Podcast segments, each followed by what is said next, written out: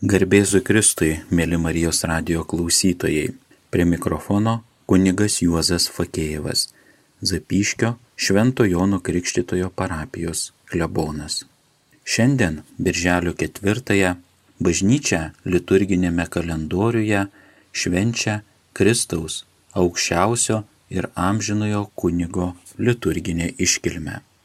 Ta proga ši katechezė bus skirta apie kunigystę žemėje, kurią paliko Jėzus Kristus apaštalams ir bažnyčiai. Todėl savo katechezę pavadinau kunigas - žmogus, vyras, tėvas.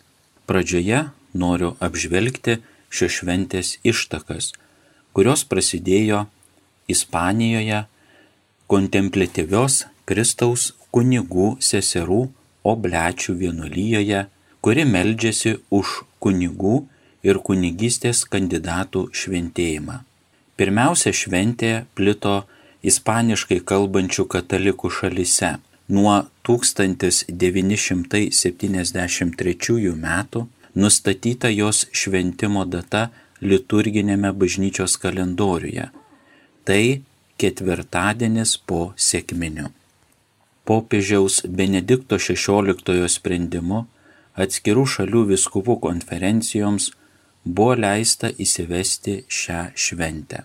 Pašaukimo ir kunigystės krizėje bažnyčia kviečia žvelgti į tikrą ir vienintelį kunigą - viešpati Jėzų, iš kurio ateina kiekviena kunigystė - tiek sakramentinė, tiek karališkoji - kiekvieno pakrikštitojo. Tik Kristuje, tik su Kristumi ir tik dėl Kristaus Krikščioniškoji kunigystė turi prasme ir tikslą.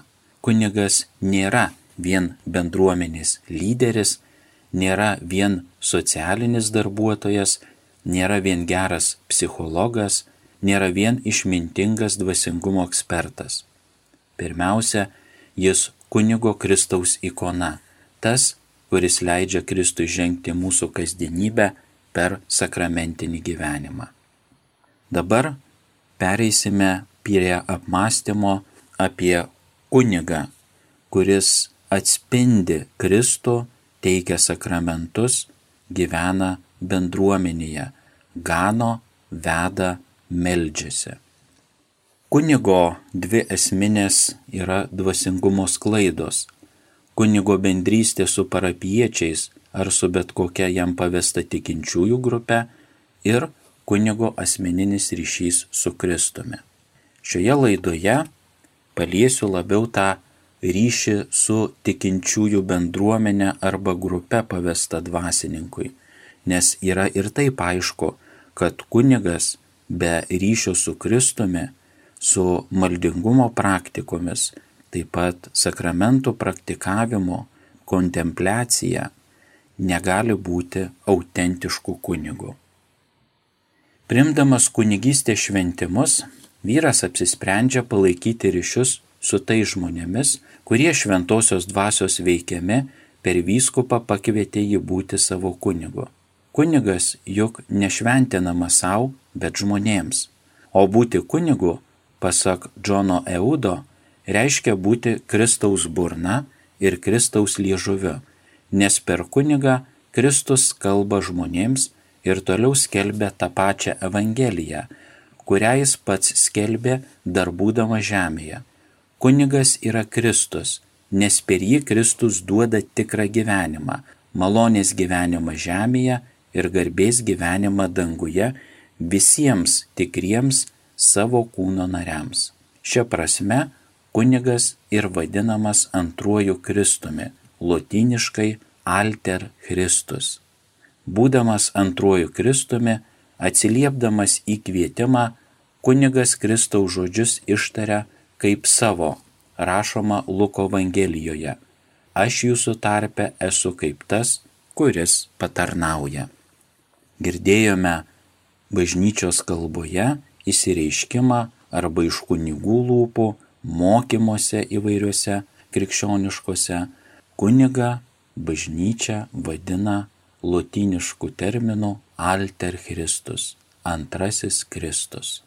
Vadinasi, kunigas įsipareigoja ne tik žmonėms tarnauti, bet ir jiems priklausyti. Sekdamas Kristaus dvasia, kunigas anksčiau ar vėliau privalės būti pasiruošęs sakyti pagal Jono Evangeliją. Jūs aš draugais vadinu. Kunigas žino, kad Kristus savo mokinius pripažino esant jo draugais. Tas faktas privalėtų ir kunigo širdį lenkti tikinčiųjų link juk pagaliau Kristus nesakė, tarnaukite vieni kitiems, kaip aš jums tarnavau, bet sakė, mylėkite vieni kitus, kaip aš jūs mylėjau. Todėl labai svarbu išgirsti šitą mintį. Kunigas atėjęs į naują tikinčiųjų bendruomenę stengiasi pajusti, kuo gyvena, sakytumėt perkeltinė prasme, kuo kvepuoja žmonės, dvasiškai, žmogiškai, žemiškai, tačiau žmonės turėtų priimti irgi svetingai ir supažindinti su šios bendruomenės gyvenimu. Tiek tikinčiųjų, tiek to pasaulietiniu gyvenimu, kokios tradicijos, kas čia vyksta, kodėl vyksta. Nes pats asmeniškai, kai buvau skiriamas į naujas parapijas, visada psichologiškai, emociškai buvo nedrasu atėjus. Nepažįsti žmonių, nepažįsti regiono, nepažįsti tradicijų ir tokia įtampa. Ir dažnai atsirasdavo keletas žmonių ar bent vienas žmogus, kuris prieidavo, pakalbindavo, paklausdavo ir taip nuimdavo įtampą. Kita vertus, Kai pas mus atvyksta svečias, kuris nebuvo mūsų namuose, tuomet mes jį globojame, mes įvedžiojame, mes jo rūpinamės.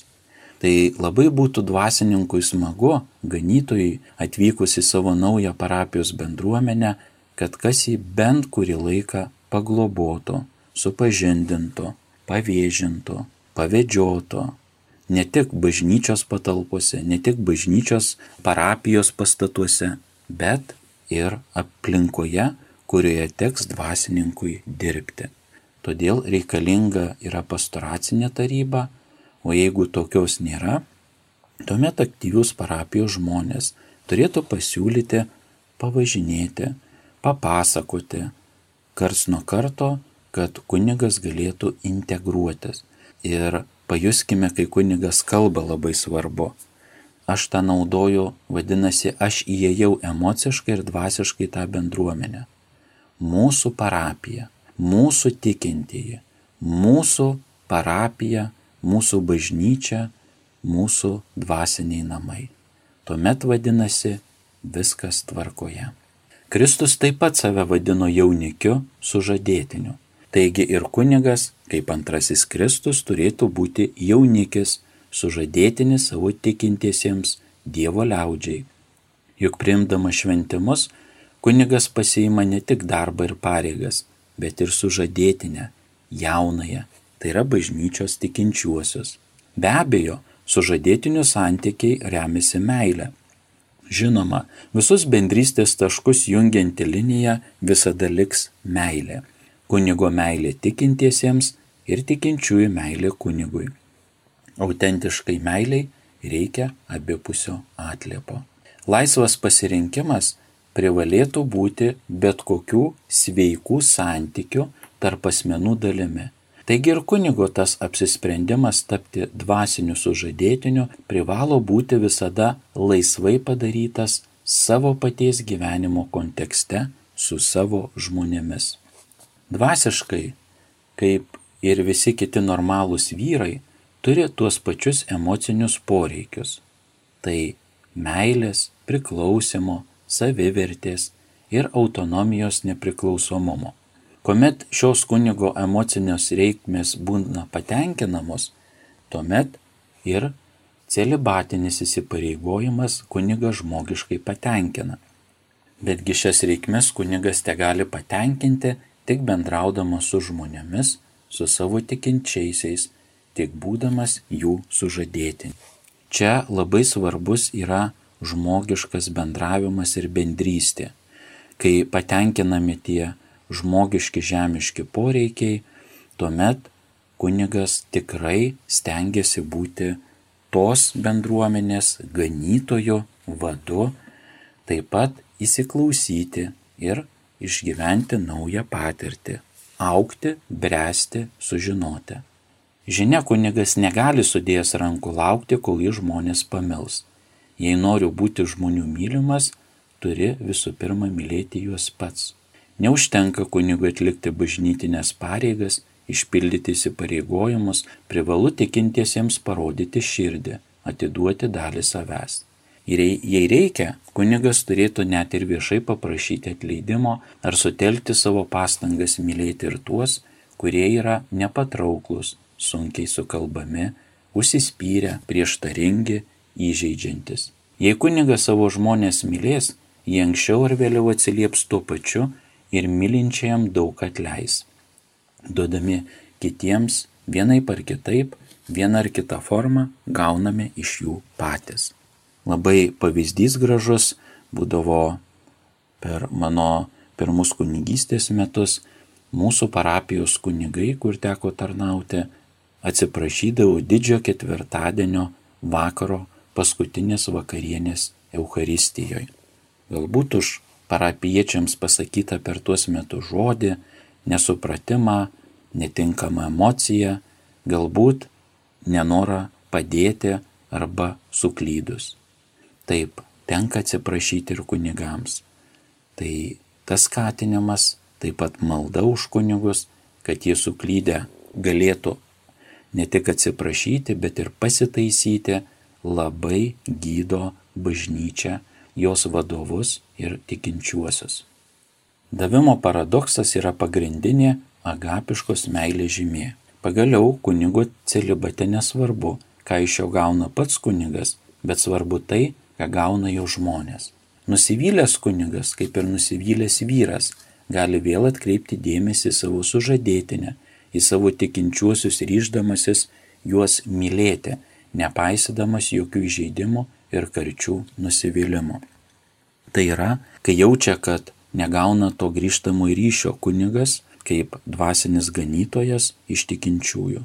Ir jeigu jo viduje per maldą, per tylos buvimą, per kontempliaciją, krikščionišką meditaciją, galvojimą jautimą, kad bendruomenė kažkuo neatsako, kažkas netvarkoje, tuomet kunigas iš naujo įsimylė savo sužadėtinę kaip sutuoktinę, savo bendruomenę, savo žmonės.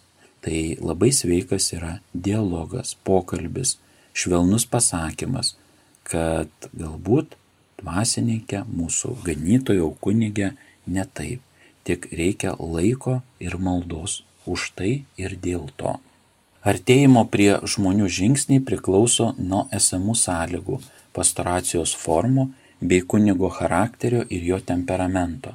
Apskritai, dvasiškis praleidžia daug laiko atlikdamas bažnytinės apeigas, dalyvaudamas iškilmėse, susirinkimuose ir kitur. Atlikdamas elovadą, jis lanko žmonės ligoninėse ir jų namuose.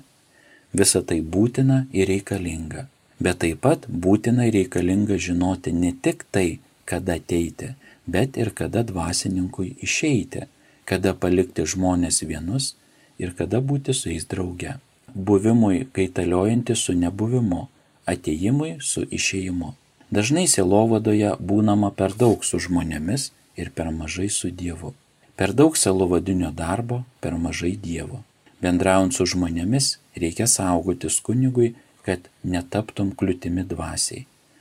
Pavojus kunigui save sudėvinti, tapti populiariu kunigu. Labai dažnai ta patirtis mano asmeninė, kai dvasininko davė supratimą, kad kalbant apie sakramentus ir juos teikiant, ir visur, kur yra dvasinis patarnavimas, kreipti Kristų arba į švenčiausios trybės asmenis, kad tai daro Kristus. Pavyzdžiui, teikiant ligonio sakramentą sustiprėjo, žmonės dėkoja, ačiū kunigė, jūs padėjot. Sakau, taip, patarnavau, bet per mane veikė Dievas, trejybė. Taip pat, kai yra kiti patarnavimai, kai žmogui pagerėjo, patarimas padėjo, vėl sakau, dėkokite Dievui, melskitės ir už mane, už kitus kunigus, kurie jums suteikia šiuos sakramentus. Abipusė artuma reikalauja abipusio pažinimo. Nepažįstamieji visada lieka svetimi.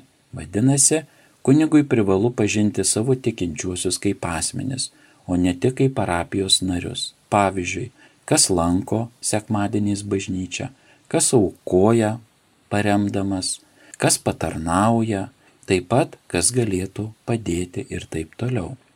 Kunigas privalėtų įgalima pažinti visą savo bendruomenę šeimas, žinoti savo žmonių vargus, rūpešius, baimės, džiaugsmus, troškimus, jų nuostatas bei religinį išprusimą. Kunigui telieka sekti savo geruoju ganytoju, kaip prašoma Jono Evangelijoje. Aš pažįstu savasias ir manosios pažįsta mane. Taip pat Luko Evangelijoje rašoma, Jėzus verkė Jeruzalės. O popiežius Pranciškus garsiame savo posakyje, kurį cituoja dažnai tikintieji, taip pat dvasininkai, yra pasakęs, dvasininkas, ganytojas turi kvėpėti savo avimis. Kaip minėjau, tai turi būti abipusiai, kad žmonės atsivertų, išlėto, kiek teko asmeniškai pastebėti, keliaujant per parapijų bendruomenės, patarnaujant, kunigaujant per kelias vietas, tai reikia bent maždaug pusantro dviejų metų, kad atsirastų abipusis pasitikėjimas tarp kunigo ir tarp bendruomenės žmonių. O dabar, patarnaujant trijose bažnyčiose, reikia net ir trijų metų, kai pradedi tarnystę šiuose vietose, reikia pažinti. Dažnai jokaudama sakau, esu daugiavaikis, dvasinis, trijų bendruomenių, kaip trijų vaikų tėvas, dvi parapijos ir viena koplyčia. Kunigo santykio kokybė su savo tikinčiaisiais priklauso ir nuo to, kiek abi pusės viena kitą pažįsta. Kad santykiai būtų prasmingi ir artimi, parapiečiai ir kunigai turi vieni kitus pažinti kaip asmenis. Taigi kunigą taip pat reikia pažinti ne vien tik iš matymo ar pavardės. Parapiečiai turėtų pažinti ir savo ganytojo pomėgius, charakterį, mėgstamus ar nemėgstamus dalykus ir kitą. Ir štai kunigai, Čarlzas Galaheris ir Tomas Vanderbergas mano, kad tikintiesiems reikėtų žinoti, apie kunigo santykius su Jėzumi Kristumi ir tėvu, ar atviras kunigas yra šventosios dvasios vadovavimui. Jie privalėtų žinoti apie jo maldas, jo viltis ir svajones, jo skausmus ir baimės. Naturaliai, dvasininkas negali tobulėti, kai tikintieji iš dalies nepadeda, nepasako iš šono, galbūt nepataria, nes įvairių ir kunigų, ir tikinčiųjų būna, ir tie santykiai kartais lūšta, laužomos kaip karo jėtis, dėl nesusikalbėjimo, dėl nepažinumo vienas kito kaip asmenų. O asmo pažinus, kai tu vis tiek žinai maždaug kuo gyvena, kaip gyvena, ką galima sakyti vienu ar kitu atveju, kaip neužgauti vienas kito. Tai va tas patarimas yra pažinti vienas kitą kunigui tikinčiuosius, o tikintieji kuniga kaip žmogų, kaip asmenį ir asmenybę labai padeda ateityje augant tikintiesiems. Kaip šeimoje, taip lygiai kunigo ar parapiečių ryšiai visada banguoja. Kartais tamsa paskandina šviesą, pesimizmas optimizmą, neviltis viltį. Kartais kunigas pasijunta vienas, suabejoja savo pastangų verte. Tokiu atveju gali pagelbėti dešimt savotiškų įsakymų, kviečiančių gyventi Evangeliją, ne mazochizmu. Tai yra save kankinant, tempiant, tysiant. Ir štai tie savotiški dešimt įsakymų pagal tuos pačius kunigus Čarlzą Galaherį ir Tomą Vanderbergą. Tai čia dvasininko savotiški įsakymai. Pirmasis Žmonės yra nenusaikus, nelogiški ir egocentriški, vis tiek juos mylėk. Kartais labai įdomi patirtis apie šitą pries posakį ir įsakymą savotišką kunigui. Ateina, prašo paremti ir kai neduodi, tiesiog neturi iš ko arba matai žmogus išvaistys, ypač pinigus, tai tu kunigas, tu turi mylėti, tu turi visiems atleisti, visiems geras. Taip, myli, bet kiekvienas net pakrikštytasis lygiai tuo pačiu turi atsakyti, arba kiekvienas net žmogus žmogiškai tuo gerumu turi atsakyti ir tą patį daryti. Antra, jei darai gerą, žmonės apkaltins tave savanaudiškumu, slaptais motyvais, vis tiek daryk gerą. Iš tiesų, kartais darant gerą, turint gerą intenciją kaip dvasininkui, jeigu bent yra keletas tikinčiųjų parapiečių brandulio žmonių palaikymo, tuomet, kad ir dauguma spaudžia, apkalbinėja, įtarinėja ar kiti neigiamai dalykai emociniai sukasi, darai ir tuomet jauti tikinčiųjų palaikymą, bent to brandulio ir Dievo vedimą. Trečia, jei tau sekasi, įsigysi netikrų draugų ir tikrų priešų, vis tiek neatsisakyk sėkmės. Ketvirta, ką gerą darai šiandien, rytoj bus užmiršta, vis tiek daryk gerą. Čia patarimas ir tikintiesiems iš mano kaip kunigo ir dalies kunigų perspektyvos, kad nepamirškime, ką kunigai padarė. Iki tol gyvenę, ypač garbingo amžiaus, sunkiame laikmetyje tam istoriniam, politiniam kontekste, saugokime tą gėrį, dvasinį, galbūt žmogišką, amžiną, kuris liks iš kartos į kartą. Labai būna malonu, kai ateini parapiją ir prieš tai prisimena kunigus. Ir jau mirusius, išėjusius, netgi kai buvo vaikai ir jau pagyvenęs kunigas, kai išėjo iš šio pasaulio, žmonės buvo dar jauni ir sako, tą padarė, patarė, pasakė, pašnekino, pažaidė, saldainių pavaišino ir panašiai. Nepamiršti, nešti tai šviesą, į visuomenę. Penkta. Tiesumas ir atvirumas tave žaidžia, vis tiek būk tiesus ir atviras. Kartais kunigai atsiveria dabar ir santykiai kitokie, ir nėra represijų, kunigam tikintiesiems tarpusavyje nedraudžiama bendrauti, pasikviesti, būti prie parapijų kažkokiuose grupelėse, bendruomenėse. Tai kunigas atsiveria ir kartais tas atsiverimas galbūt yra žmogiškas, emocinis, tai jeigu yra grupeliai, tai grupeliai, bet jeigu ką papasakoja, ir sako, tai iš liudijimų arba pagal temą tik tai ribotam žmonių kiekiui, tai reikėtų ir turbūt pasaugoti, nes kunigas duoda priesaiką iš pažinties dvasinio pokalbio neišduoti, taip pat ir tikintieji turėtų to tokio dvasinio emocinio atsiverimo akimirką pasaugoti informaciją. Šešta, ką daugel metų praleidai statydamas, gali būti sugriauta, vis tiek statyk. Tai irgi svarbu palaikyti, padėti kartu su dvasininku tęsti tai, kas statoma parapijos bendruomeniai. Septinta. Žmonėms iš tiesų reikia pagalbos, bet jie gali tave pulti, jei tikrai jiems pagelbsti. Vis tiek žmonėms padėk. Aštunta. Duok pasauliu geriausia, ką turi ir gausi dantis vis tiek duok pasauliu geriausia, ką turi. Taip, kunigai turime aukotis, duoti kas geriausia, intenciją, žmogiškumą, charakterio bruožus, laiką, jėgas. Ir kartais tikrai, kai rašo šie du kunigai autoriai, gaunam į dantis. Devinta. Jei renkėsi gyventi bendrystėje su savo žmonėmis, padarydamas juos pirmąją savo gyvenimo pareigą, būsi palaikytas pasenusiu ar nemadingu vis tiek gyvenk su savo žmonėmis. Oi kiek būna pagundų, kaip pavyzdžiui, išvykti galbūt, atrodo, nereikšmingos parapijos atlaidų metu, arba iškeisti parapijos liturginį gyvenimą, pastoracinį, selovadinį ir kažkas siūlo tau išgarsėti arba tave pripažįsta, nori, kad tu kažkur nuvyktum ir susikerta planai. Tai oi, pagundų yra buvę ir teko rinktis. Visada savo sakau prioritetą, kad pirma, parapija yra dvasinė šeima. Tai prioritetas dvasininkui kaip ir šeimoje, kasdienybėje normalu turi rinkti šeimą arba su šeima dalyvauja. Tai čia irgi panašiai, jei kviečia dvasininką ir jeigu tai kertasi su parapijos kaip dvasinės šeimos planais, reikia apsvarstyti, kame yra pirmumas, kur yra vertybės.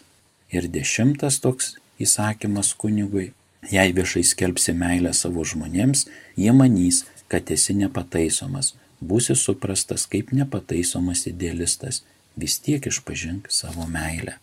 Taip dabar visokių vidinių skandalų dėl išnaudojimo bažnyčios viduje ir kunigams sunku rodyti meilę, reikia labai iš tiesų rafinuotai jausti ribas, bet ta dvasinė meilė, kurią turi kunigas perduoti, jis rodo Žinoma, tai turi būti be jokių užsimetimų, jokių slaptumų, jokios nepagarbos žmogui, jo asmeniui ir jo situacijai.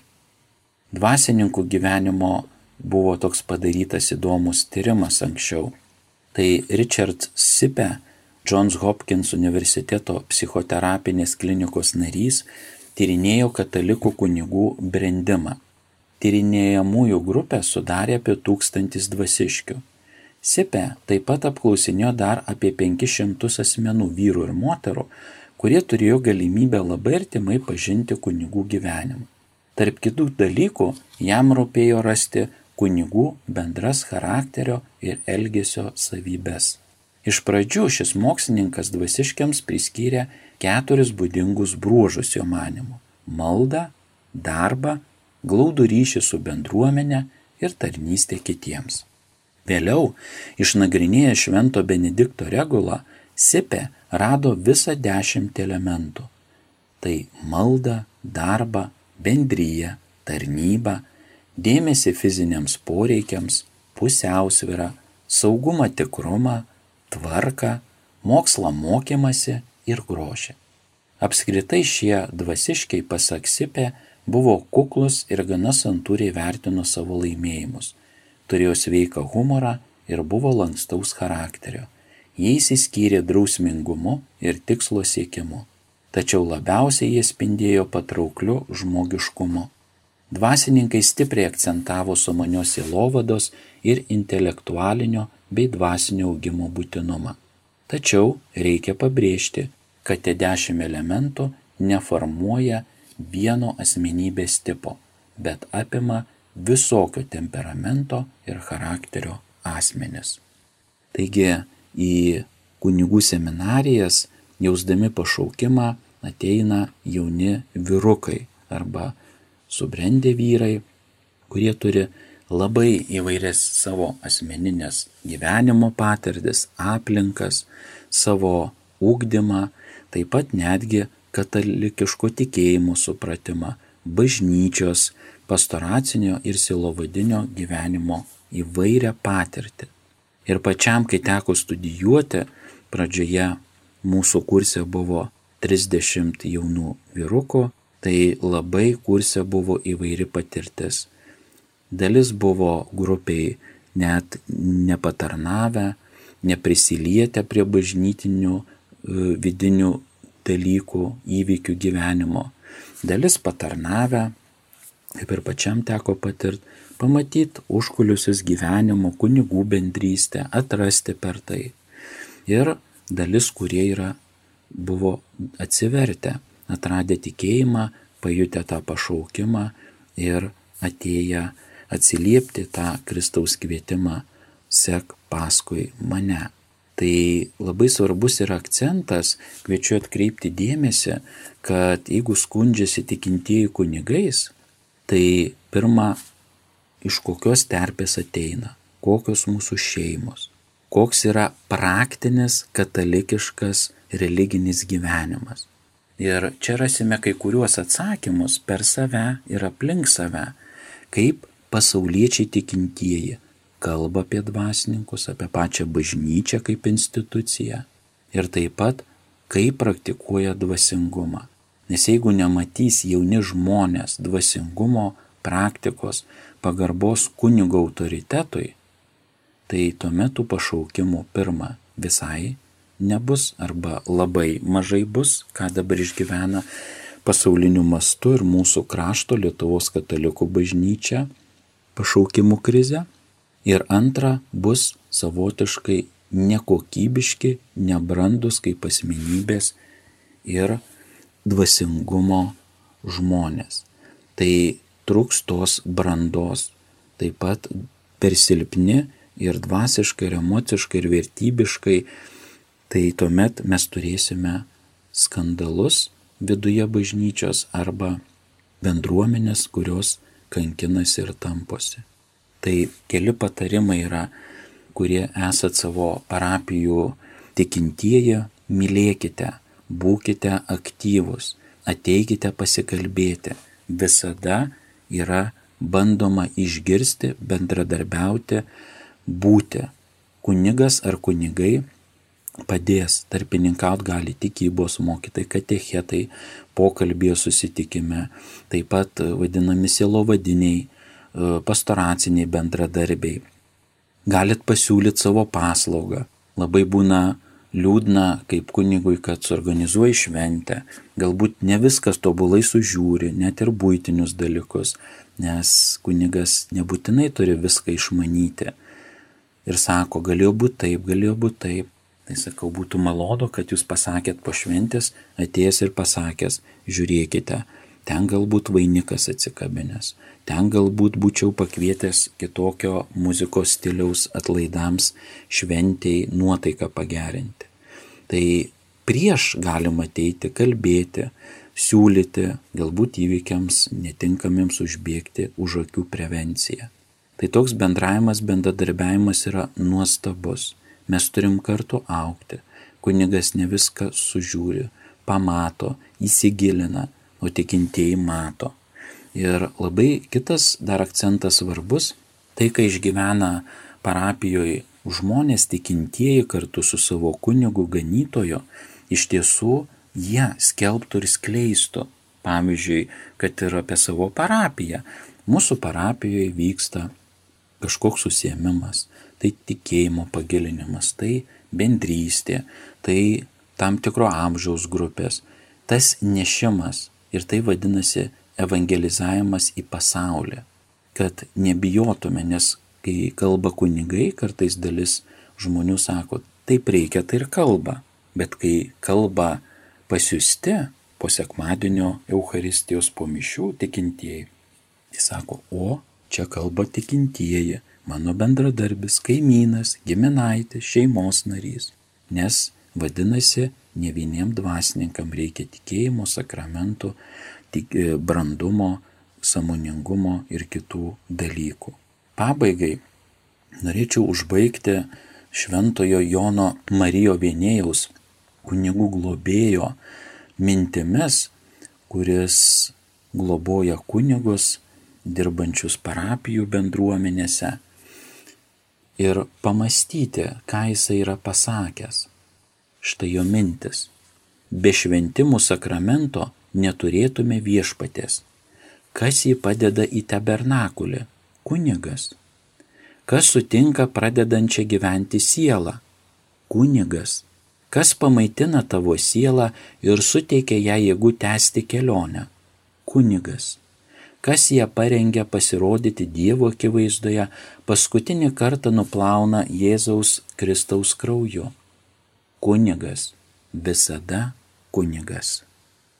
Ačiū, kad klausėte, girdėjote, dėjotės į širdį.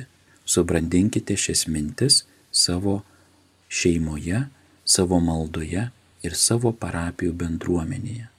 Mėly Marijos radio klausytojai, linkiu atrasti kunigystės pašaukimą iš naujo šį birželio ketvirtosios dienos minėjimą Kristų amžinai ir vyriausiai kunigą. Prie mikrofono buvo kunigas Juozas Fakėjevas, Zapiškio parapijos klebonas. Visiems palaimos, gerų ryšių su savo ganytojais ir ramybės. Sudie.